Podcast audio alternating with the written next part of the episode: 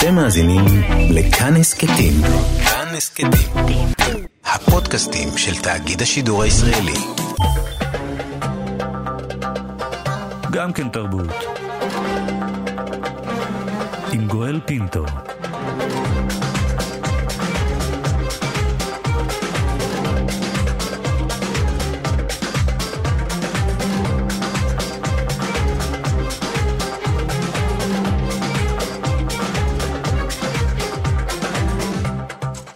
שלום, תודה שבחרתם להאזין לנו. הסכת אה, גם כן תרבות, המיטב מתוך התוכנית היומית שלנו, המשודרת בכל יום ברדיו כאן תרבות, 104.9, 105.3 FM. תהנו.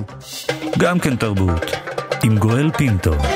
ז'ן אה, אחמד, אחמד הצעיר, סרטם של האחים אה, דרדן, הוצג כבר בפסטיבל כאן ואף זיכה את יוצריו בפרס הבימוי שם. אז מדוע החליפו בישראל את שם הסרט שיעלה אצלנו בחודש הבא להבחירה? איך ולמה אצלנו בישראל האחמד נעלם מהכותרת והפך לפשוט הבחירה. נמצאת איתנו אשת הקולנוע, אבתיסאם מראענה מנוחין. בוקר טוב, תודה שאת איתנו הבוקר. בוקר טוב. אז אחמד נעלם. כן, ברור. אוקיי, אחרת הקהל ייעלם. אף אחד לא יבוא. מי רוצה לראות סרט אה, שהכותרת שלו זה אחמד, או שהגיבור שלו אחמד?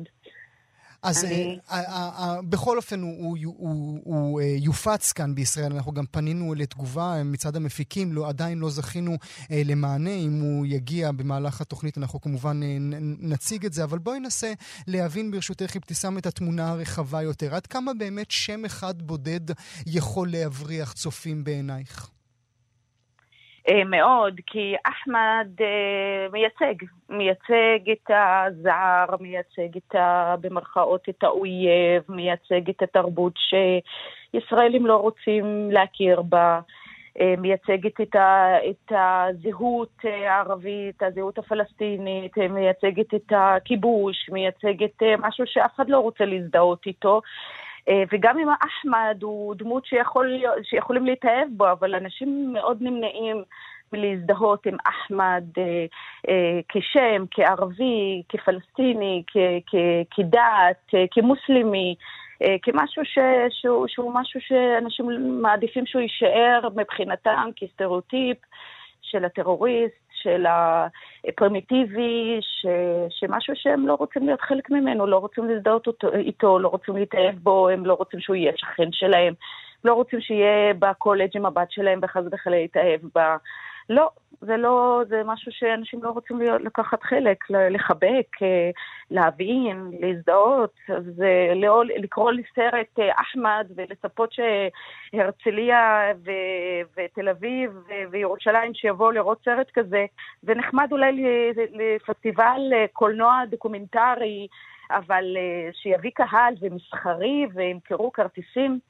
אה, לא צריך להשלות את עצמנו שזה יהיה הצלחה מטורפת. נכניס אה, לתוך השיחה שלנו עוד אה, כמה נתונים. צריך לומר, בפסטיבל ירושלים האחרון הוא הוצג בתור אחמד הצעיר, וההיענות הייתה רבה, אז שם השם שלו נשאר כמו שזה, אז אולי באמת זה מתאים לעולמות הפסטיבלים, כמו שאת נכון. עצמך אומרת, אבתיסאם. צריך לומר שהאחים דרדן הם זוג במאים בלגים מאוד מאוד אהובים בישראל, אולי יותר אצל עכברי הקולנוע, אבל הם צמד אחים שכל סרט שלהם מוצג בישראל ומאוד אהוב ומאוד מצליח. ועוד יותר לזה נוסיף שמי שצפה בסרט, בוא נאמר שהאחים דרדן בסרט הזה הואשמו באסלאמופוביה. זאת אומרת, זה, זה בניגוד הפוך למה שנדמה לנו שאנחנו נראה בסרט. אה, אני לא ראיתי עדיין את הסרט הזה, אבל עם הכותרת אה, שמביאים אותה לישראל ואומרים, אוקיי, אז בואו תראו סרט שהבמאים שלו מואשמים באסלאמופוביה, אה, והסרט הזה בעצם אולי לא ישרת את אחמד ואף אחד לא יאהב אותו. אה, אבל מהכותרת, אחמד הוא לא, הוא לא מסחרי, הוא לא מוכר. Mm-hmm. אף אחד לא יבוא. אז לפחות בואו נשנה את זה לבחירה, שזה משהו שכולנו יכולות להזדהות איתו, אבל תבואו ותראו את האסלאמופוביה. אני לא ראיתי את הסרט, אני לא יודעת בדיוק אה, אה, אם יש שם שנאה או לא, אבל אני בסופו של דבר אומרת, יש משהו ב, ב, ביחס הזה כלפי, ואני גם מכירה הרבה אחמדים, שכן, נתקלים בכל כך הרבה בעיות, ונאלצים גם לשנות לפעמים את השם שלהם, כי לא בא להם אה, להיכנס שוב ושוב ושוב mm-hmm. לאותו מעגל, שלא יכנסו אותם ויבדקו אותם ולא ייתנו להם, ועבודה ולימודים. ורוצים שהחיים שלהם יהיו יותר קלים, ולכן האחמד הזה הוא, הוא לא משהו שמישהו מקבל אותם ב, ב, ב, באהבה ובהבנה. לאיזה שם אני אחליף את השם אם יקראו לי אחמד? מה, מה, מה קרוב לזה שנשמע אוניברסלי יותר? אני לא יודעת, אבל uh, אנשים עושים את זה. Mm. לצערי הרב, אנשים, אחמד, מוחמד, זה שמות שאנשים uh, מתחילים להתקשות, כי הם נתקלים בכל כך הרבה mm. גזענות והדרה ו... ודיכוי, כי אני נשאית של שם שהוא, אף אחד לא מת עליו, הם, זה, זה, זה, זה דגל אה, אדום, ואנשים, אה, קשה להם, קשה להם. צריך לומר שזה לא חדש, אבתיסאם, אנחנו כולנו זוכרים את אה, ערבים רוקדים, שהיה צריך לפתוח את פסטיבל ירושלים לפני נכון. איקס שנים, וגם שם הייתה בעיה מאוד גדולה, אה, בדיוק זה היה בתוך עוד מלחמה, בתוך עוד מבצע, בתוך עוד משהו, אה, והסרט הפותח אמור היה להיות ערבים רוקדים. כן, אני, אני מתחילה לראות את זה, פעם זה היה יותר אקזוטי. אה, זה היה, גם עדיין זה היה באולמות של פסטיבלים ואנשי רוח ונשות אה, תרבות שכן אה, רצו להתמודד, וגם העניין של, בהקשר הפוליטי של אוסלו, היה איזה משהו מאוד גדול, הייתה איזו תקווה מאוד גדולה שבוא נכיר את השכן, בוא נסתכל עליו, היה, זה היה משהו. היום אפילו את זה, אפילו אין בושה להגיד את הדבר הזה. לא רוצים לראות ולא רוצות לראות לא את אחמד ולא כיבוש, ואל תגידו לנו, לא רוצים גם תקווה, תקווה יחידה שיש פה מדינה של העם היהודי, וחלאס. אנחנו לא רוצים תמונה מורכבת, מסובכת. השכן הזה, מי זה השכן הזה? אין לנו שכנים בכלל, אין פה כלום, יש פה חולות, ואנחנו מעצמה מאוד גדולה. וזאת המציאות לצערי, ו, ובסוף גם הקהל שפעם ראה את הסרטים על האסלאם, ראו את הסרטים על פלסטין, ראו את הסרטים על כיבוש, התעניינו, רצו לדעת מי זה השכן, רצו ערבית, רצו לדבר, רצו... היום זה הצטמצם בכנאפי ביפו ובחומוס ענד עלי קרוון. את אה, רואה את זה או מרגישה את זה גם בעבודות שלך כבמאית וכמפיקה, אך לפני כמה שנים מוצאת את אה, תרשום אני ערבי על אה, מחמוד דרוויש, הוא זכה בפרסים, היה לו קשה לקבל את אהבת הקהל? לסרט תרשום אני ערבי, הקושי המאוד מאוד גדול שלו זה כן, קודם כל להוציא את הסמל הפלסטיני עם סיפור האהבה שלו עם יהודייה. זה משהו שאף אחד לא רוצה לראות, לא רוצה לשמוע, לא רוצה להתמודד, לא רוצה להכיר. שלעזאזל גרים במדינה הזאת שני עמים, עובדים רוב הזמן ביחד, מישהו משרת את השני, לרוב לא, הערבים משרת את האדון. אבל בשם אבל... עצמו כבר ראית בעיה יותר מאשר 77 מדרגות או סרטים אחרים שעשית? עצם העובדה שהמילה ערבי כתוב בטייטל של הסרט? היא מתריסה. זה, זה, זה, זה, זה שם מתריס, mm-hmm. כאילו, ואני, הייתה לי הכוונה ללכת עם הדבר הזה עד הסוף, לקשר את זה לשיר שלו, שבעצם הוא שיר שמאוד, מאוד היה, אה, מאוד חזק, מאוד עשה, אה, הכניס לתודעה של החברה הערבית הפלסטינית בתוך ישראל את, את השאלת השיוך שלהם, מבלי להתבייש. אז עשיתי את זה כן כהתרצה, וגם לחבר לשיר המפורסם שלו. אבל אה, שוב, הקהל שיראה את הסרט הזה זה קהל מאוד מאוד מצומצם, שאכפת לו משהו, שהוא רוצה לראות את אחר, שרוצה דרך הקולנוע הזה שלי או של אחרות, אה, ככה להציג. להציץ למה שהיה פה פעם, מה שאולי, איך, איך העתיד שלנו ייראה, יש להם המון שאלות ורוצים לקבל איכשהו איזו תובנה אחת או שתיים, אבל זה מיעוט, והולך ומצטמצם. הולך ומצטמצם, אז באמת צריך, לגמרי. צריך אה, באמת לשאול האם הצטמצמנו עד כדי כך שאפילו אחמד הצעיר הופך אה, לבחירה. לגמרי, לצערי. אבתיסאם אה, מראנה מנוחין, אני מודה לך מאוד שהיית איתי. אני גם. תודה רבה, בוקר טוב. בסוף השבוע אסרה משטרת הרשות הפלסטינית על העמותה הלהט"בית אל-קאווס הקשת לפעול בשטחה. הם טענו כי האגודה מפוררת את החברה הפלסטינית וקראה לתושבים לדווח על חברי הארגון. נורית יוחנן, כתבת כאן עניינים פלסטינים, נמצאת איתנו. בוקר טוב, נורית. בוקר טוב. מה קורה שם? אז נכון, באמת אנחנו מדברים על מאבק שהתרחש בעיקר, נקרא לזה ברשתות, ועכשיו אולי מתחיל לעלות אה, לפני השטח, וזה המאבק של חברי הקהילה הגאה הפלסטינים. באמת, אה, המשטרה הפלסטינית הוציאה הודעה, וצריך לומר הודעה חריגה, בסוף השבוע האחרון, והיא הודיעה שהיא תמנע כל פעילות של האגודה, אותה אגודה למען חברי הקהילה אה, הלהט"בית הפלסטינים, אל-כאוס, הקשת. בהודעה הזו באמת אמרו הם, שפשוט הם, לפיהם הם פוגעים באידיאלים, במסורת של החברה הפלסטינית, והם הודיעו שהם יעקבו אחרי אותם משתתפים באגודה, ידאגו שיגיעו לדין. אפילו רמזו שהם סוכנים זרים, זאת אומרת שהם בעצם מכניסים השפעות אחרות, מערביות אולי, על החברה הפלסטינית. אה, צריך לומר, לטענת האגודה, זה קורה בגלל איזושהי אה, תחילת פעילות שהם התחילו אה, בזמן האחרון בעיר שכם, בגדה המערבית, ועל אותם דברים קשים באגודה אלקאוס הגיבו, אמרו שזה מצער מאוד, אבל הם ממשיכים במאבק הזה, הם לא נבהלים מהאיומים. יש להם כבר סמינרים שמיועדים ללמידה על זהות מינית, על האופן שבו מתמודדים איתה בחברה הפלסטינית, והם ממשיכים בזה, זה משהו שאמור להתקיים בסוף החודש הנוכחי. וצריך לומר, זו סוגיה אחת, זה מקרה אחד, אולי הודעת אה, משטרה אחת, אבל יש פה הקשר רחב יותר, וההקשר הוא שברשות הפלסטינית, גם תחת שלטונו של אבו מאזן, ולא רק ברצועה, ברצועת עזה אצל חמאס, יש בעיה גדולה מאוד עם זכויות האדם. רק בתקופה האחרונה התפרסם דוח, ובעקבותו גם אה, פגישה טעונה של חבר ארגון זכויות האדם Human Rights Watch עם ראש הממשלה הפלסטיני, ועסקו שם בכמה נושאים, גם בחופש העיתונות וגם בסוגיית גיל הנישואין שהוא עדיין מאוד צעיר לנשים אה, ברשות, 15-16, אה, אבל כמובן שגם סוגיית הקהילה הגאה נמצאת פה. אבל וכרגע... כאן, אנחנו, כאן אנחנו רואים, נורית, אולי עליית מדרגה בכך שהשלטונות, המשטרה, מבקשת מהאזרחים להלשין, לדווח, להסגיר.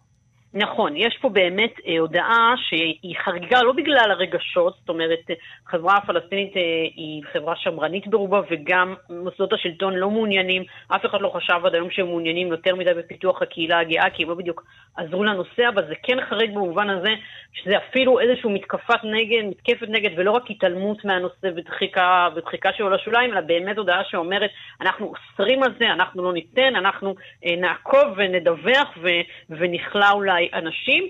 וצריך לומר, אני כרגע מתקשה לומר בדיוק איך, איך יביאו את אותם אנשים לדין, אבל יש מספיק פרצות מצד שני ברשות הפלסטינית שמאפשרים לכלוא אדם על איזשהו דברים כמו הפרעה לחברה או הפרעה לאידיאלים של החברה, כך שיש פה איזושהי כן סכנה ממשית לאנשים שיכולים למצוא את עצמם אה, בכלא או לפחות ומ... במעצר אה, בלי שהם עשו באמת משהו בפועל. וממה שאת אה, שומעת, זה אכן יהיה השלב הבא? מאסר של אנשים על חברות בקהילה הלהט"בית? זה קשה לדעת, זה בעיקר קשה לדעת כי עצם ההודעה הזו אה, גררה לא מעט ביקורת, אה, למרות אה, שבחברה אולי ברחוב עצמו קשה מאוד לבקר את הרשות הפלסטינית, כי שוב, אה, התוצאה בדרך כלל תהיה מעצר. ברשתות החברתיות, אותה הודעה שגם פורסמה בעמוד של דובר המשטרה, ככה שחור על גבי לבן באופן אה, די פשוט, גררה הרבה מאוד ביקורת על עצם ההתקפה הזו ועל עצם הפנייה, וכמובן שזה נתן, התוצאה המשמחת לפי האגודה, שכן נתן להם איזושהי רוח גבית mm-hmm. להמשיך ולפעול, ולכן אני מתקשה לראות את הרשות הפלסטינית יוצאת פה באיזשהו מבצע אה, שיזהה אותה עם משטרים מאוד מאוד... מאוד אה, אפלים. אפלים עד, ומאוד לא שמרנים. עד כמה יפתיע אותך, אה, נורית, שאנחנו פנינו אל העמותה, דיברנו עם ראשיה, והם אה, סירבו, אה, לשוח... אנחנו שוחחנו איתם בטלפון, הם סירבו לשוחח איתנו מטעמים שגם אנחנו עצמנו הכובשים, ואין להם אה, שום רצון להשתתף במין פינק וושינג, או בכלל לעלות אה, לשידור ולדבר על כך. אז זה בעצם, זה לא כל כך מפתיע אותי, כי זה בעצם אולי המאבק הכפול, ומה שאולי מאוד מקשה על חברי הקהילה הגאה הפלסטינים לנהל את המאבק שלהם, כי הם בעצם מנסים לייצר את עצמם גם כמי שמתנגדים אל מוסדות השלטון, שמגבילים אותם, מצמצמים אותם, עכשיו אולי רוצים גם לרדוף אותם, וגם כלפי ישראל, כלפי מה שמכנים הכיבוש, ולכן יש פה איזשהו מאבק כפול, שגם מקשה על שיתופי פעולה עם הקהילה הגאה הישראלית לצורך העניין. כלומר, הם נמצאים פה קצת, לדעתי, באיזשהו מלכוד שמאוד מקשה עליהם להרחיב את הפעילות או למסד אותה. וצריך אה, לומר אולי לסיום שגם בהודעה שהם הוציאו בהקשת, באותה עמותה, גם הם מיד חיברו את זה לכיבוש, במובן של כדאי שהמשטרה יותר תעבוד אה, למניעת הכיבוש מאשר אה, לצאת נגדנו. בהחלט, בעצם אותו, יש פה ניסיון למקם את עצמם בתור אה, דווקא משהו פלסטיני אותנטי ולא איזשהו משהו שמשתף פעולה מיידית עם ישראל, כי יש על זה כמובן הרבה ביקורת אה, גם כך בחברה הפלסטינית. נורית יוחנן, אני מודה לך שהיית איתי הבוקר. תודה. אני רוצה לצרף לשיחה את ריטה טטרנקו, מנכ"לית עמותת הבית השונה, אל-בית אל-מוחטלף, uh, להעצמת הקהילה הערבית הלהט"בית. שלום לך, ריטה. שלום. עד כמה את מופתעת ממה שקורה עכשיו ברשות? Uh, האמת שלא כל כך uh, מופתעים, כי אנחנו שמענו דיווחים גם לפני זה, שמשטרה כן uh, מבצעת uh, מעצורים ומנסה... זאת אומרת uh, שזה גם הגיע כבר אל שלב המעצרים. זה היה גם קודם, כי uh, ברגע שאנחנו עסקנו במבקשי הגנה פלסטינים כאן בישראל, ויש גם כאלה, אנחנו שמענו דיווחים, uh, יש לנו עדויות, עוד מעט התפרסם דוח של uh, עמותת אייס, שמדברת גם על זה. המשטרה כן פעלה ככה נגד קהילת הלהט"ב. אנחנו כן קצת uh, היה... אה, הפתעה כזאת ש, שעכשיו זה בגלוי. Mm-hmm. כלומר, אה, היה פה ושם, כן, עצרו, כן, אה, ניסו לה, לשים לכלא, אבל ככה בגלוי שזה התפרסם ומשטרה בפומבי קוראת תושבים לדווח, זה כמובן פעם ראשונה וזה עליית המדרגה כמובן. מה זה להיות הומו או לסבית ברשות הפלסטינית? הקהילה היא כן מאוד מאוד שמרנית והאנשים נתקלים באלימות פיזית, באלימות אה, מילולית כמובן כן. האלימות יכולה לבוא גם מצד אה, משפחה, גם מצד אנשים בסביבה, שכנים וכן הלאה. אנשים גרים אה, מאוד מאוד מצומצם, כולם מכירים את כולם. כלומר, אנשים נשארים בלי עבודה ברוב המקרים.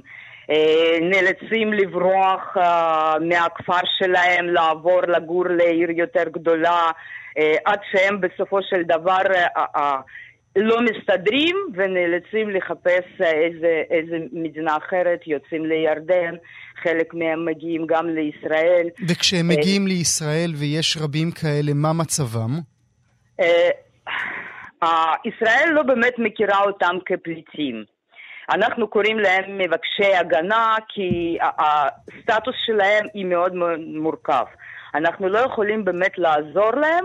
אה, כל מה שאנחנו יכולים לעשות כרגע באמת כדי אה, לספק להם איזשהו עתיד זה לפנות לאו"ם ולבקש רסטלמנט להוציא אותם מהמדינה. הם, הם חיים בתנאים אה, פשוט אה, לא, לא נורמליים, לא, אין להם לא עבודה, לא בית, לא איזשהו... אין עתיד, כלומר... Mm-hmm. וכמו שאמרתי, אתם אה, בעמותת הבית השונה להעצמת הקהילה הערבית הלהט"בית, אתם רואים איזשהו מקום להשוואה בין מצבם של הלהט"בים ברשות הפלסטינית לבין, לבין מצבם של הערבים הישראלים כאן בשטחי ישראל? קהילה ערבית, גם ערבי ישראל, אה, הם מאוד מושפעים על מה שקורה שם ברשות הפלסטינית. הקהילה היא שמרנית בכל זאת, זה ברור, אבל כמובן הסטטוס שלהם הוא שונה. אזרחי ישראל הם אזרחים, הם, אה, מגיע להם גם סל שיקום, גם אה, טיפול סוציאלי והרבה דברים.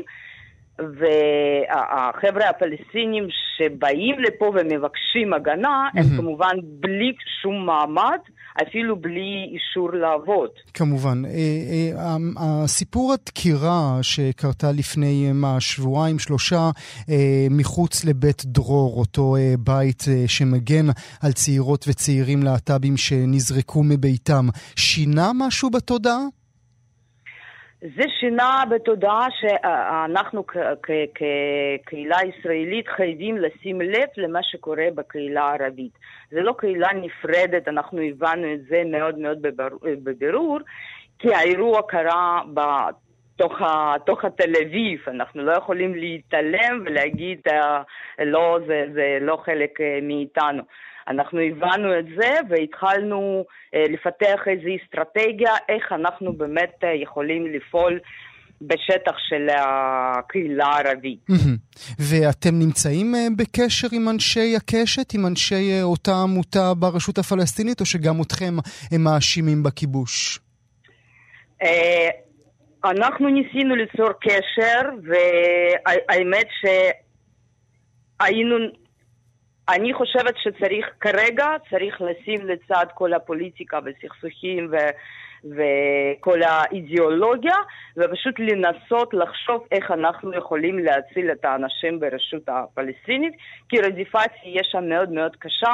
אם אפילו משטרה לא תבצע בפועל מעצורים, רמת האלימות פיזית היא עכשיו פשוט תקפוץ. Uh, כן, ניסינו, ניסינו ליצור קשר, לשתף פעולה, לחשוב ביחד. אבל לא הצלחתם, uh, בשורה, לא לא, התחתונה לא. לא הצלחתם. לא. עד כמה הפחד הוא גדול אה, במגזר הערבי בכל מה שקשור לעניינים להט"בים? אה, רק אומר לך אה, שאנחנו אה, החל מאתמול אה, ניסינו אינסוף אה, לשוחח גם עם אנשים מהעמותה שלכם אה, שהם אה, ערבים ישראלים או ערבים פלסטינים כדי שיעלו לשידור וכאמור לא הצלחנו. ניסינו גם עם אנשי אל-קאוואס שיעלו, לא הצלחנו. פנינו גם אל חברת הכנסת עאידה תומא סלימאן, היחידה שהתבטאה נגד הדקירה אה, מחוץ לבית דרור, וגם היא סירבה לעלות. אז עד כמה הפחד גדול? הפחד הוא, הוא גדול, זה כל מה שציירת זה בדיוק גם מתוך הפחד. כי כאשר המשטרה, וזה בעצם רשות, אומרת שפעילות הלהט"בית היא מנגד לתרבות, אז uh, כמובן שאפילו אנשים פשוטים קולטים את זה. וכן, פוחדים, אנשים פוחדים גם בתוך ישראל וברשות הפלסטינית ובכלל. הפחד הוא מאוד מאוד גדול, ועכשיו אנחנו מנסים גם למנוע את האלימות ומעצורים וגם לטפל באנשים שעכשיו פשוט נשברים מתוך הפחד. ריטה טטרנקו, מנכ"לית עמותת הבית השונה, אל בית אל מוחטלף, אני מודה לך שהיית איתי הבוקר. תודה. Thank you.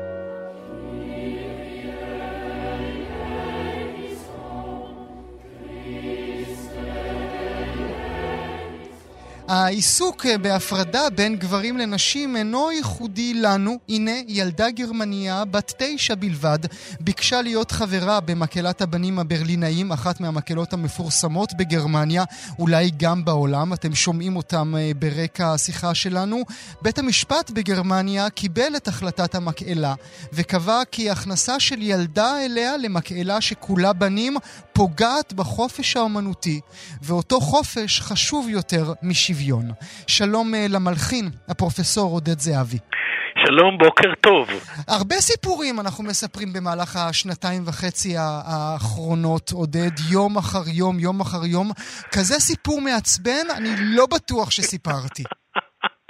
אני חושב שהסיפור הזה הוא מעצבן ומורכב כאחת. אני לא כל כך בטוח איפה הדברים האלה אה, עומדים וצריכים לעמוד, ומה חופש אומנותי, ומה אפליה, ובכלל איפה. הנקודה אולי שכדאי אה, לדבר עליה בהקשר הזה, הוא שחלק מהמקהלות האלה, וגם מקהלות אחרות, אה, מתפקדות לא רק כגופים מוסיקליים, אלא כמעט כמו איזשהו מסדר. Mm, אתה יודע, mm, מסדר, מסדרים mm. אפילו אולי קצת חשוכים. Mm, mm. אה, יש שם איזו העברה של מסורות, של כללי התנהגות, בוא, בוא נגיד, בוא נגיד ברשותך אה, ביחד, הפרופסור זהבי, למאזינות והמאזינים, זו מקהלה שקיימת 550 שנים. נכון, ומעולם לא חצתה ילדה, ילדה, או, כן. עכשיו, אני רוצה להביא אולי שתי דוגמאות שהן קרובות קצת יותר אלינו. אני מניח שבמקהלת הרבנות הצבאית לא mm. תשרת אישה, mm. Mm. וגם אם, מבחינה אומנותית היא מאוד מתאימה, וגם במקהלת הצבא האדום. עכשיו, נשאלת השאלה מי מרוויח ומי מפסיד מהדברים האלה. אם אתה שואל אותי... לא, אבל לפני, ש... לפני זה, לפני כן. זה, ברשותך. כן. ילדים, אנחנו שומעים אותם עכשיו ברקע, באמת קולות שמימיים. נכון. אבל הטיב של הדבר הזה, ואם אני טועה, אנא, זה ה... הגבוה, נכון? הגבוהים נכון. שלהם.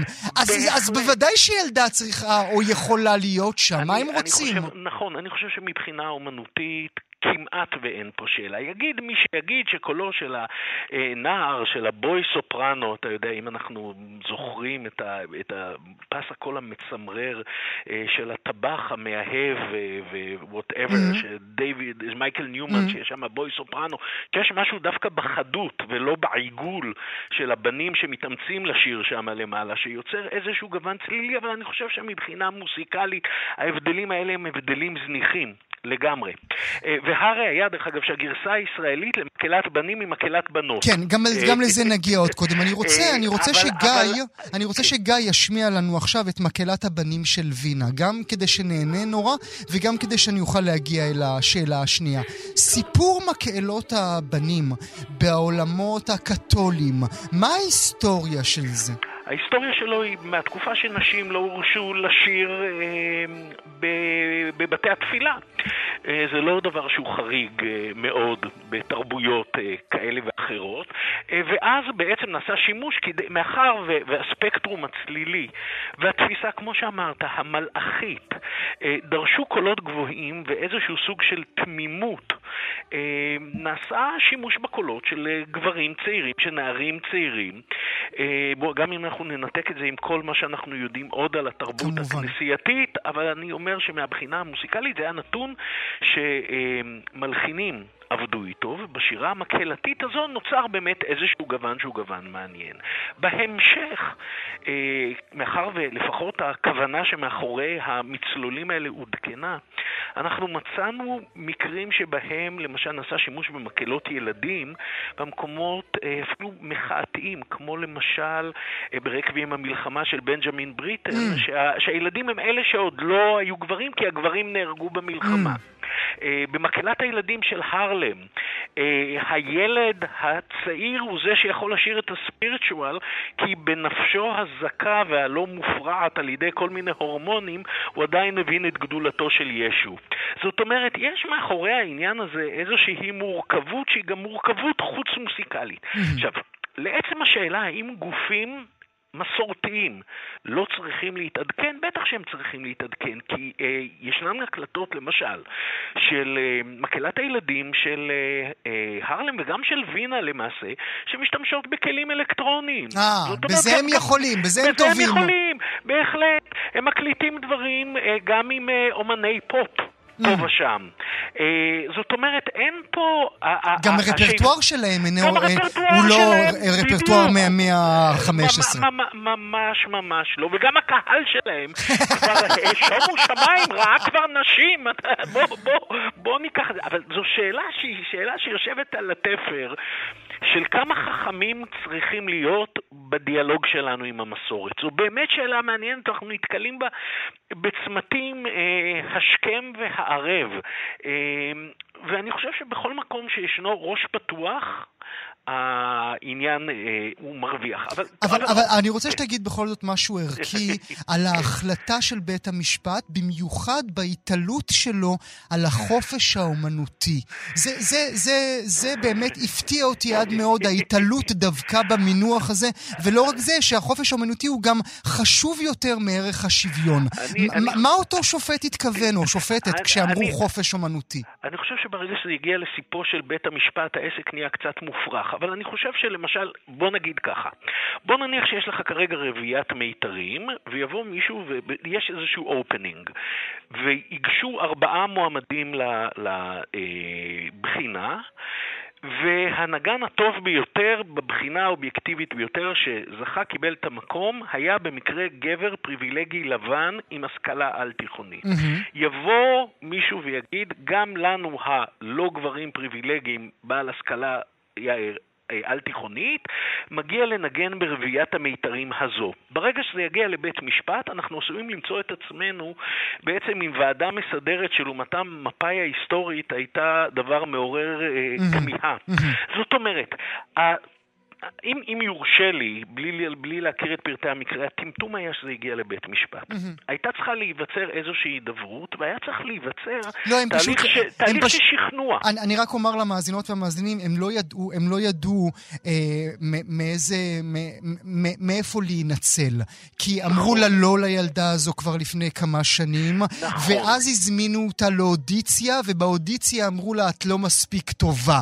זאת אומרת, הם כאילו, הם ניסו גם, העליבו אותה, בנוסף, בנוסף לזה שאמרו לה שהיא ילדה עם קוקיות, גם העליבו אותה שהקול שלה לא מספיק יפה. אני, בלי, בלי לדבר בשמו של משרד הקליטה, אבל אני רוצה להגיד לאותה ילדה ולהוריה בפנייה נרגשת, יש פה המון מקהלות ילדים אז בוא נשמע, אז בוא נשמע את מקהלת אנקור שהזכרת נכון. אותה. אה, גרסה של מקהלת אנקור לתן לי יד של יוני רכטר, ניתן לזה כמה שניות, כי אצלנו זה נשים, לא גברים. אצלנו נכון זה נערות. אני חייב להגיד שבמקהלת אנקור מדי פעם יש בנים, המפורסם שלהם היה בן של רבנית רפורמית, רחמנא ליצלן, mm-hmm. ששר עם כל הבנות האלה ויצא בשלום, מקהלה נפלאה. אז למה באמת אצלנו זה בנות ולא בנים? כי הבנים משחקים בכדורגל. Mm, במיוחד אתה ואני, פרופסור. כן, כן, חד משמעית, חד משמעית. אה, אני אגיד לך, אגב, הייתי שוער לא רב, אלמלא הייתי אשכנזי, הייתי מגיע להיות שוער בנוער של הפועל ירושלים. אבל האמת היא שפשוט... דפקו אותי בגלל הגובה. שפשוט לנו אין מסורת נוצרית, בזה זה מתחיל. אין לנו מסורת, נכון, והאמת היא שיש מקהלות, המקהלה המפורסמת שיש בה גם בנים וגם בנות, אה, היא מקהלת, אה, מקהלה ברחובות. אני חושב שקוראים להם מקהלת מיתר, אם אני לא טועה, ששם הייתה מאז ומעולם מסורת, שבטרם לכת הבנים למכון ויצמן, כשהם בתיכון נשארים במקהלה. אני חושב שזה גם לא הזיק לאף אחד. אבל, אבל הסיפור הוא סיפור... כמו שאמרת, מעצבן במידה שלא תאומן, ואני חושב שאם יש פה איזשהו לקח קטן, זה שסוגיות אומנותיות כדאי שלא תיפתרנה בבית המשפט. אז הנה, המקהלה, מקהלת הקתדרה של אה, ברלין, נוסדה ב-1465, לא מקבלת גם היום, ב-2019, הפעם עם חותמת של בית המשפט אה, ילדה. הפרופסור עודד זהבי, אנחנו נסיים את השיחה עם גרסה יפייפייה של מקהלת הבנים של ארלם, ששרים את, אה, את Change is gonna come. הפרופסור זהבי, תודה לך שהיית איתי. תודה רבה. עכשיו uh, מצטערים לבשר לכם כי הפרופסור uh, ששון סומך, חתן uh, פרס ישראל ופרס אמת למזרחנות, הלך לעולמו. המשורר אלמוג בהר איתנו. שלום אלמוג. שלום, שלום. ששון סומך הולך לעולמו, מה, הוא בן uh, 80 ו... 86, נכון? 86 הוא הולך... כן, הוא היה יליד 1933. כן. אז עכשיו אה, הוא הולך לעולמו. אה, אה, אמור נא כמה מילים על הפרופסור ששון סומך. כן, האמת שבאמת כל המילים לא, לא יספיקו, אבל סיפור החיים שלו והמחקר שלו והמקום שלו כמתרגם וכמורה וכאדם היה מאוד מאוד משמעותי, אני חושב, בצומת שבין התרבות הערבית והתרבות העברית, גם בין התרבות הערבית היהודית לבין התרבות הערבית הכללית והתרבות הישראלית בארץ. שזו תמיד שאלה הגיע... ש... כן, סליחה. הוא, הוא הגיע לארץ אה, בן 17, אה, ו...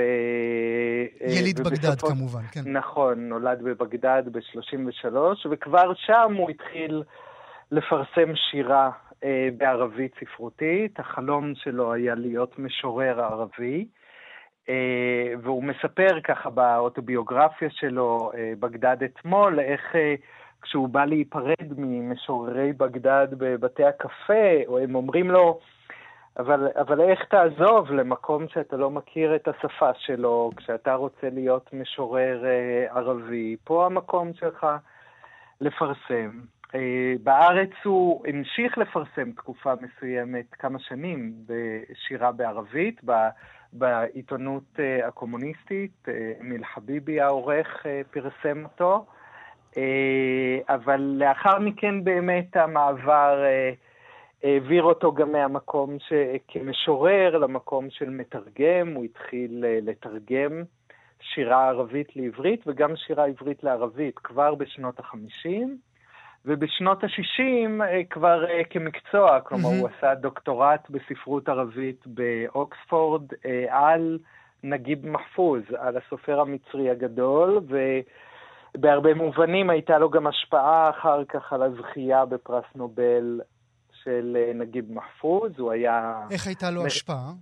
הוא היה המחקר הראשון בספרות אירופאית, כמו שאת, בשפה אירופאית. כמו שאתה יכול לנחש, ועדת פרס נובל לא קוראת ערבית, אין בין חבריה קוראי ערבית, אז הוא, המחקר שלו, שהתפרסם באנגלית בתחילת שנות ה-70, היה בעצם הספר הראשון באנגלית על... שהביא אותו אל, הזכ... אל הזכייה כן. הזו. בוא נדבר באמת על ה...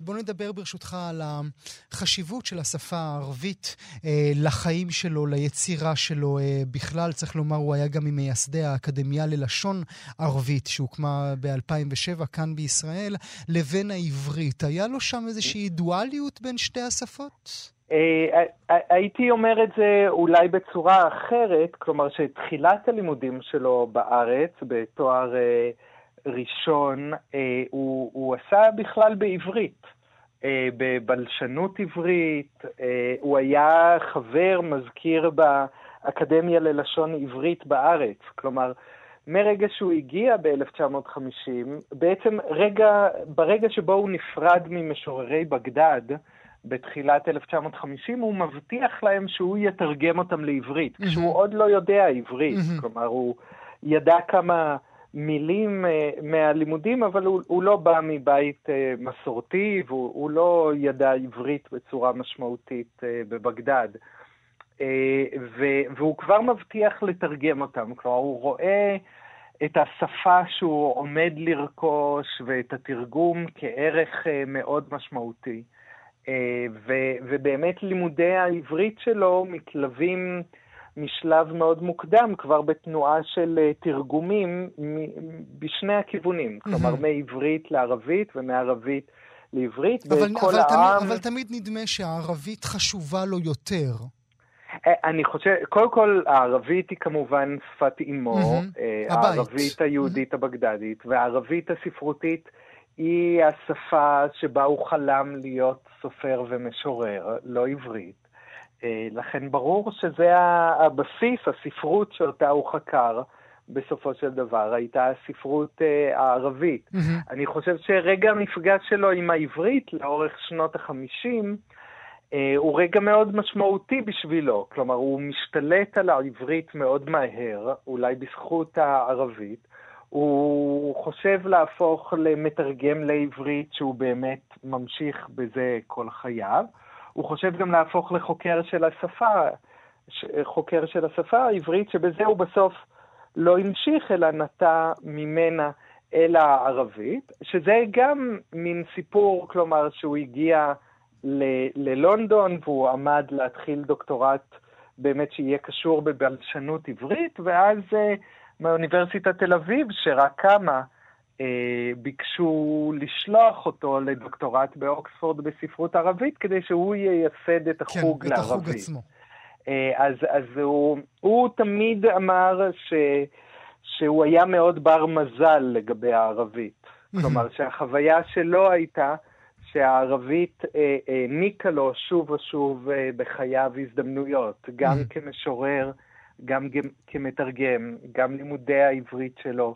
גם הדוקטורט, גם uh, הקריירה שלו כחוקר uh, ספרות ערבית כמובן. באוניברסיטת אולי, תל אביב. אולי uh, נאמר מילה לסיום ברשותך, יש לו, מה, יש, יש דור עתיד של ששון סומכים? אז קודם כל, אני חושב שבאמת באופן מאוד משמעותי, ששון היה אדם של תלמידיו. אה, הוא השקיע מאוד אה, בהרבה אכפתיות והרבה מעבר למה שנדרש אה, ממרצה ומנחה באקדמיה. הוא חי את, ה, את המחקר ואת ההתקדמות של, של תלמידיו ותלמידי תלמידיו. אז הוא העמיד הרבה תלמידים, mm-hmm. והיה לו חשוב גם כלומר, הוא העמיד תלמידים, גם פלסטינים וגם אה, יהודים, שחוקרים ערבית, כש... כשיצרנו תוכנית חדשה, תוכנית ללימודי תרבות ערבית יהודית באוניברסיטת תל אביב, הוא היה חלק מהמחשבה על זה, הוא, הוא היה חלק מהקונספט, מאיך איך עושים דבר כזה, מה זה תרבות ערבית יהודית ואיך מלמדים אותה באקדמיה. כך שהוא כל הזמן היה מכוון כלפי העתיד. Mm-hmm. ברור שיש דברים שהם אה, בלתי הפיכים, כלומר, הדור האחרון של דוברי ערבית יהודית אה, מבית, אה, הולך. הוא, mm-hmm. הוא דבר, כן, שזה כן. רגע היסטורי, אתה יודע, ב, בשנות התשעים, ששון סומך וסמי מיכאל, שחשבו שזה דור שהולך, רצו להקים יחד את ה... עמותה ישראלית לידידות עם העם העיראקי, mm-hmm. שנפסלה על ידי רשם העמותות הישראלי כעוינת ומסוכנת. למדינת ישראל בגלל שמה ומטרותיה, אבל הם בדיוק כתבו שם, כלומר שכדור אחרון שנולד בעולם הערבי וגדל שם, שהם מבקשים להעביר כן. את הסיפור שלהם כדי שה... המציאות הישראלית, שגם היא יהודית וערבית ועברית וערבית ושלובה, תוכל ללמוד ולהשכיל מהם. טוב, אה, אנחנו אה, נאמר שוב, הפרופסור אה, ששון סומך הלך לעולמו. המשורר אלמוג בהר, אני מודה לך מאוד שהיית איתי הבוקר. תודה לכם.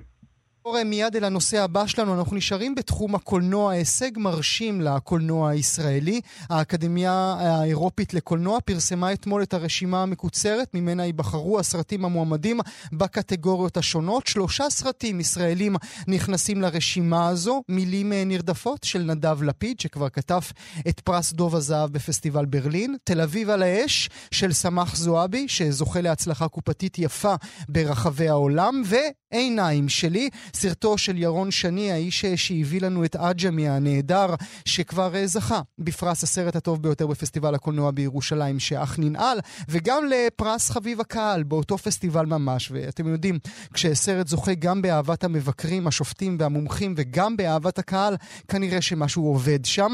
ירון שני נמצא איתנו, בוקר טוב. בוקר מצוין. ברכות! תודה. אתה יודע, היית כבר מועמד לאוסקר, אז בטח האקדמיה האירופית קטנה עליך. אמ, תראה, תראה, בתחום הזה של קולנוע, החיים כל כך קשים, שכל הצלחה היא גם בערבון מוגבל והיא גם נהדרת. אז באמת, אה, אתה יודע, אתה נאבק על קיומך בכל רגע, אז כל uh, הצלחה כזאת היא עוזרת במשהו. והסרט הזה, עיניים שלי, הוא חלק מטרילוגיה. טרילוגיה, השם המלא הוא בעצם טרילוגיה על אהבה, uh, נקודותיים, עיניים שלי. מה בלב הסרט? בעצם במרכזו קצין משטרה. כן, קצין משטרה שמאוד מוערך, שמסתבך, uh, מתלוננים עליו שהוא עשה משהו מאוד לא בסדר. והוא מסתבך עם זה ומידרדר, וזה מוביל אותו לקצוות מאוד מפתיעים. וזה מפתיע בהתחשב בכך אה, שאתה, כמו שאמרתי, קורא לזה טרילוגיה על אהבה, אבל גם החלק הראשון, עירום, שכבר הוצג גם בוונציה, גם בישראל, וגם החלק הזה, עיניים שלי, שניהם אפס, אתה בטוח שהם עוסקים באהבה? כן, כן. אהבה, אנחנו uh, רגילים לקשר אהבה לסרטים שעושים לנו טוב, mm-hmm. עושים לנו נעים בלב, אבל uh, כדי להבין את המשמעות של האהבה, אנחנו צריכים לחוות משבר בחיים. אתה יודע, בלי בדידות אין, uh, אין את העוצמה של האהבה, אין את העוצמה של החיבוק והקשר. בלי רעב אין את החוויה של התזונה, החוויה הזאת של התזונה. אז את, ה, את המשמעות של האהבה אנחנו יכולים להבין רק כשבאמת קשה לנו בחיים. ואז אנחנו מבינים כמה נהדר זה שיש מישהו לצידנו, שחי לצידנו וחי איתנו.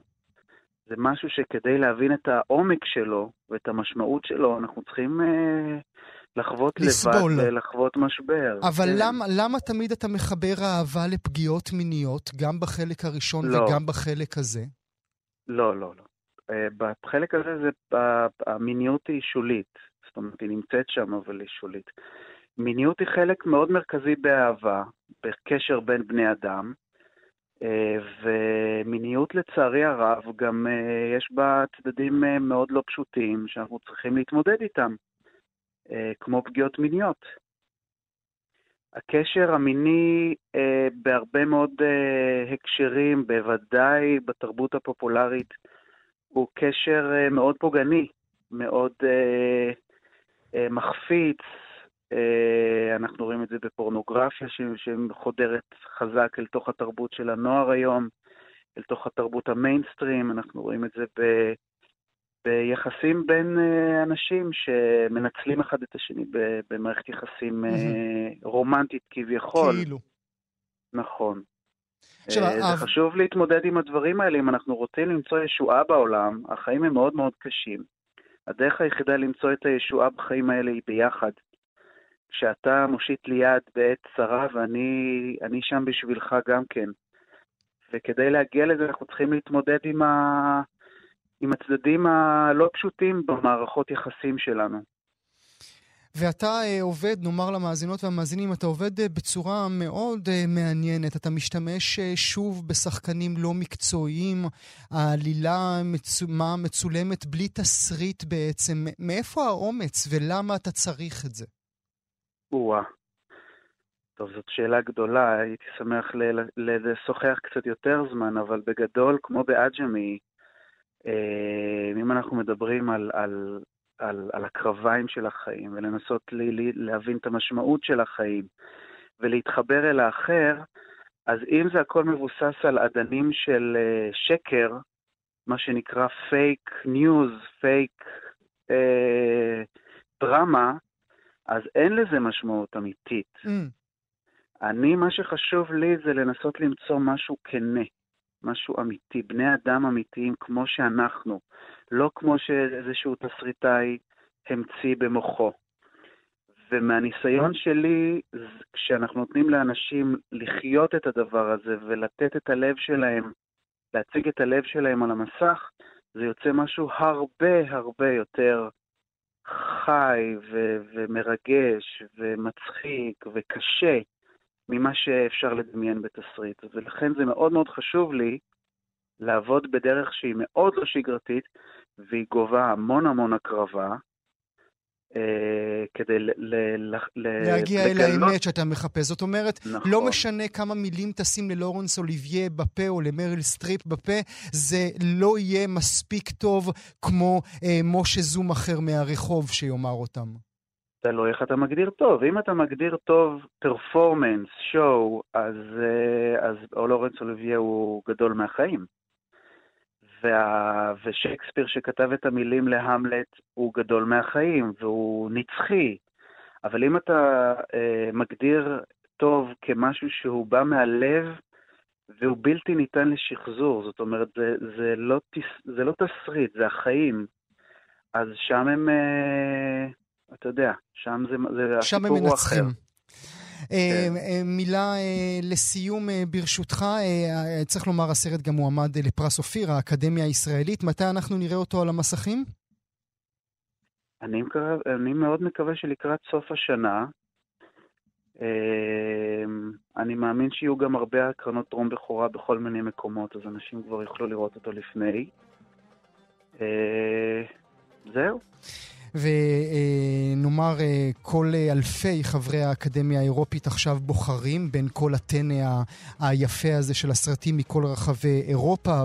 בתשעה בנובמבר יוכרזו המועמדים הסופיים בכל קטגוריה וקטגוריה. צריך לומר למאזינות ומאזינים, גם אתה וגם החברים הישראלים האחרים מתמודדים מול אה, פדרו אלמודובר עם כאב ותהילה, מול עלובי החיים, מול אחמד הצעיר של האחים דרדן, מול המועדפת שכבר זיכה את אוליביה קולמן בפרס השחקנית באוסקר. בקיצור, התחרות שלכם היא חתיכת תחרות. כן, אבל אתה יודע, באומנות אין... אה, נגיד את זה ככה, יש את הממסד האומנותי ויש את, ה... את הדבר הזה האמיתי של, של החוויה של הצופה. הממסד תמיד יעדיף את השמות הגדולים. Mm. Uh, במובן הזה התחרות היא כמעט בלתי אפשרית, אבל בחוויה האישית של הלב, אתה לוקח את אלמודובר בהליכה. לא, לא. אל תכניס לי את המילים האלה, חס וחלילה. אני לא לוקח אף אחד, ואני חושב שגם אין מקום להשוואה, אתה יודע, זו חוויה מאוד מאוד אישית, סרט. כמובן. כמובן. ברכות uh, גדולות uh, מאיתנו, uh, ירון, תודה רבה לך שהיית איתי, וכמו שאמרת במהלך השיחה, גם אני מושיט לך יד, לא רק בעת צרה, אלא גם בעת שמחה. תודה שהיית תודה, איתנו הבוקר. תודה, תודה. שימו כותרת, קיאנו ריבס חוזר למטריקס. לא להאמין, כותרת שמגיעה אלינו הבוקר, היא מגלה כי חלק רביעי לסדרת הסרטים המצליחה, מטריקס, עומד uh, בפני הפקה, וזה 16 שנים לאחר יציאת הסרט האחרון, במה שחשבנו שהיא טרילוגיה. מי שתפיק, תכתוב ותביים היא אילנה וושבסקי, היוצרת המקורית. איתנו מבקר הקולנוע של ידיעות אחרונות, בנימין טוביאס. תודה רבה לך, בוקר טוב. בוקר אור. הפתעה לא, או שהלסת שלך עדיין על הרצפה? אה, הפתעה כי כן, באמת, אה, הפתעה מצד אחד ולא הפתעה מצד שני. אה, לא הפתעה כי היום הוליווד בעצם מחדשת כל דבר, כן? כלומר, אנחנו רגילים, רגילים שהוליווד כל הזמן עושה ריבוטים. מה שאנחנו לא, לא כל כך רגילים או רגילים פחות זה באמת לסרטי המשך מאוחרים. ראינו את זה עם אינדיאנה ג'ונס, וזה לא כל כך הצליח, שהוסיפו סרט רביעי בטרילוגיה. אה, ויש כל מיני טרילוגיות שאנחנו נוטים לחשוב שכדאי שיעזבו אותם בצד ולא לעשות אה, איתם שום דבר, כמו הסנדק. אה, או בחזרה לעתיד, אחת גם לגביהם יש דיבורים, mm. שאולי בוא נעשה איזה משהו, אני מאוד מקווה שזה שלא. לא יקרה כאן. מה ש... כאן מה שבאמת מפתיע יותר זה שבאמת חוזר כל הצוות המקורי, כלומר אני די ציפיתי שבאיזשהו שלב בחיי אני אשמע שיש מה שנקרא ריבוט של המטריקס, כלומר שוב, אה, אמ, כי בסוף כן, זו כן טרילוגיה אהובה, שוב, אבל עם אה, גיבורים חדשים, שחקנים חדשים, במאים חדשים, שינסו לקחת את הטייק שלהם. אה, ומה שכאן מעניין זה שבעצם לא רק לנה ושאוסקי חוזרת, אלא גם קיאנו ריבס וקרי אן מוס, שני הגיבור, כן. שלא ראינו אותה כן. במסך כמעט 20 שנה. אז, אז בוא נאמר, לפני שנמשיך בשיחה שלנו, בוא ניתן רקע על אותו מטריקס. הראשון בסדרה יצא ב-1999, כשהבמאי... נכון, בדיוק 20 שנה. בדיוק 20 שנה, כשהבמאיות עוד היו במאים. נכון. מה, מה בלב הסרט הזה ומה היה בלב ההצלחה שלו? אה, תראה, זה מאוד מעניין גם איך זה יעבור עכשיו, כי המטריקס הוא מסוג הסרטים שהם נורא נכונים לתקופתם. הוא סרט שביטא בצורה מושלמת את חרדת ה-Y2K, מי שהיום זוכר בכלל מה זה. כלומר, המטריקס בזמנו הוא סרט על אה, אדם שהוא מתכנת, אה, כן? בסוף שנות ה-90 הדבר הכי מגניב שהיית יכול להיות זה מתכנת. הלא הוא קיאנו ריבס, ויום אחד הוא מגלה שהעולם שבו הוא חי, כל העולם אינו אלא סימולציה, הלא היא המטריקס. ושמכונות, רובוטים שולטים ומראים לנו אה, אה, הכל, מה שהיה יפה נורא במטריקס, מעבר לזה שהוא נגע בחרדה שנורא נכונה, חרדה טכנופובית שנורא נכונה לתקופה שבה הוא נעשה, חרדה ממחשבים כמובן, היה שהוא ככה שילב אה, גם דברים שהם מגיעים מקולנוע יותר אוונגרדי, אה, כמו אה, סייבר פאנק ואנימה, הוא שילב את זה בתוך אה, קולנוע מיינסטרימי בסופו של דבר והביא את זה להמונים. אה, כלומר, המחשבה הזו שיש עולם, שבעצם כל העולם הוא סימולציה, הוא כמובן לא חדש, לא בקולנוע וגם בטוח לא בפילוסופיה, זה כמובן כל מי שמע זאת אומרת, הם, הם, הם בעצם ב-99, לפני 20 שנים בדיוק, עשו מראה שחורה 20 שנים לפני מראה שחורה. כן, ללא ספק. כלומר, הרבה לפני, שוב, במדע בדיוני אנחנו רגילים לראות דיסטופיות, אבל צריך גם לזכור, וזה שוב בעיניי ההישג הגדול של המטריקס, זה שמראה שחורה בסופו של דבר כן מדבר לקהל יחסית מצומצם, כן, עם כל זו שזו סדרה מדוברת. אה, כאן אנחנו בעצם בסרט אקשן הכי גדול בהוליווד, אה, הם בעצם מביאים רעיונות פילוסופיים ששוב נחשבים נורא אוונגרדים. לתקופתם. אה, בשני סרטי ההמשך הם נחשבו לכאלה שהצליחו הרבה פחות, ועדיין אני חושב שיש בהם יומרה בריאה. כלומר, הם כן ניסו לעשות בכל סרט משהו קצת אחר וקצת חדש. אז, וקצת אז באמת, קח אותנו, קח אותנו ברשותך, אה, בנימין, אה, בשתי מילים, בחוט שקישר בין כל אחד מחלקי הסדרה. הסברת לנו, החלק הראשון ב-99, המטריקס, הסרט המקורי, שם הם מגלים שהם חלק מסימולציה, שהם חלק נכון. ממטריקס. מה קורה ב-reloaded? אז זהו, בחלק השני, אני, אני כן אסכם כי שני החלקים השני והשלישי קצת דומים. החלק השני הם בעצם חוזרים לתוך המטריקס אה, ומנסים שם לפרק אותה מבפנים, לא כל כך מצליח להם. החלק השלישי, שהוא גם הבעייתי מכולם, הוא הפחות מספק מכולם, הוא רובו מתרחש מחוץ למטריקס. כלומר, הוא כבר מתרחש שהם מחוץ, אם אתם זוכרים, קראו, זה אגב אה, אה, מלא במשחקים דתיים. כן, בציון. ציון, הם היו בציון. נכון, ציון היה שם הקוד בעצם לעיר החופשית. אה, שכמובן זה בזמנו עורר לנו בישראל ככה את הדמיון, למה דווקא הם קראו לזה ציון. עד היום, אל תהרוס לי, עד היום אני בטוח שזה לכבודנו. ללא ספק. בכל מקרה, בחלק האחרון יש איזשהו, הוא מסתיים, ב, אני חושב שאפשר לספיילר אחרי 16 שנה, הוא מסתיים בסוג של הפסקת אש בין המכונות לבין האדם, כלומר המטריקס לא נהרסת, שזה שוב, זה סוף מעניין. אני חושב שכשהוא יצא, יצאו חלקים 2 ו-3, אגב, יצאו בזה... ביחד. בפער, יצאו ביחד, יצאו בפער של שישה חודשים. הייתה איזו אכזבה רבתי, כי לא כל כך הבינו מה הם רוצים, הם קצת מנעו את ה showdown אה, בסופו של דבר. אני דווקא חשבתי שהיה בזה משהו מעניין. אה, אין ספק שעכשיו מעניין לראות האם כאשר אנחנו... אה, אה, מגיעים לסרט, אה, לסרט אחרי, וללא ספק גם זה מרתק מה, מה יקרה עם השחקנים, כי השחקנים כמובן מבוגרים יותר, כן. יאנו ריז כמדומני מעל ל-50, אז איך גם מסבירים את זה? כי בסוף אנחנו נמצאים בסימולציה שבה אה, אה, אה, לכאורה הוא היה אמור לא להזדקן, או שהוא כן יזדקן, ויסבירו למה הוא כן יזדקן. אה, כל הדברים האלה אנחנו צפויים לראות, השאלה אם עכשיו סוף סוף לנה וושאוסקי, אה, תיתן איזשהו showdown כדי לספק את המעריצים, או להפך, תיקח את הסדרה למקומות אה, מעניינים ו... רדיקליים יותר. צריך לומר שאם מתייחסים ל Sense 8, הסרט, הסדרה שהיא עשתה עבור נטפליקס, אם מתייחסים אליה כאיזו אינדיקציה למה התרחבות היצירה שלה, אז נדמה שהיא תרצה להיות קומוניקטיבית יותר, נדמה שהיא תבוא עם מנחה לצופים.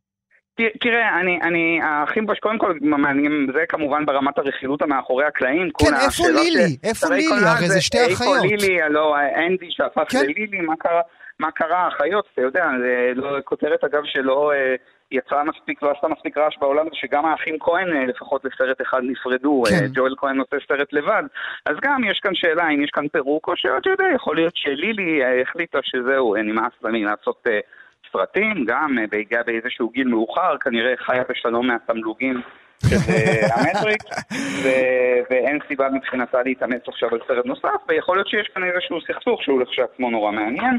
אה, מה שמעניין בהקשר הזה, אתה יודע, אחים וושאוסקי באמת בעשור האחרון, בשני העשורים האחרונים הם hit and miss, הסרט האחרון שלהם שהם ביימו ביחד היה כישלון קופתי מהדהד וגם אחד הסרטים המביכים שראיתי בקולנוע, אין לי דרך אחרת להגיד את זה, קראו לזה עלייתה של ג'ופיטר עם אה, מילה קוניס.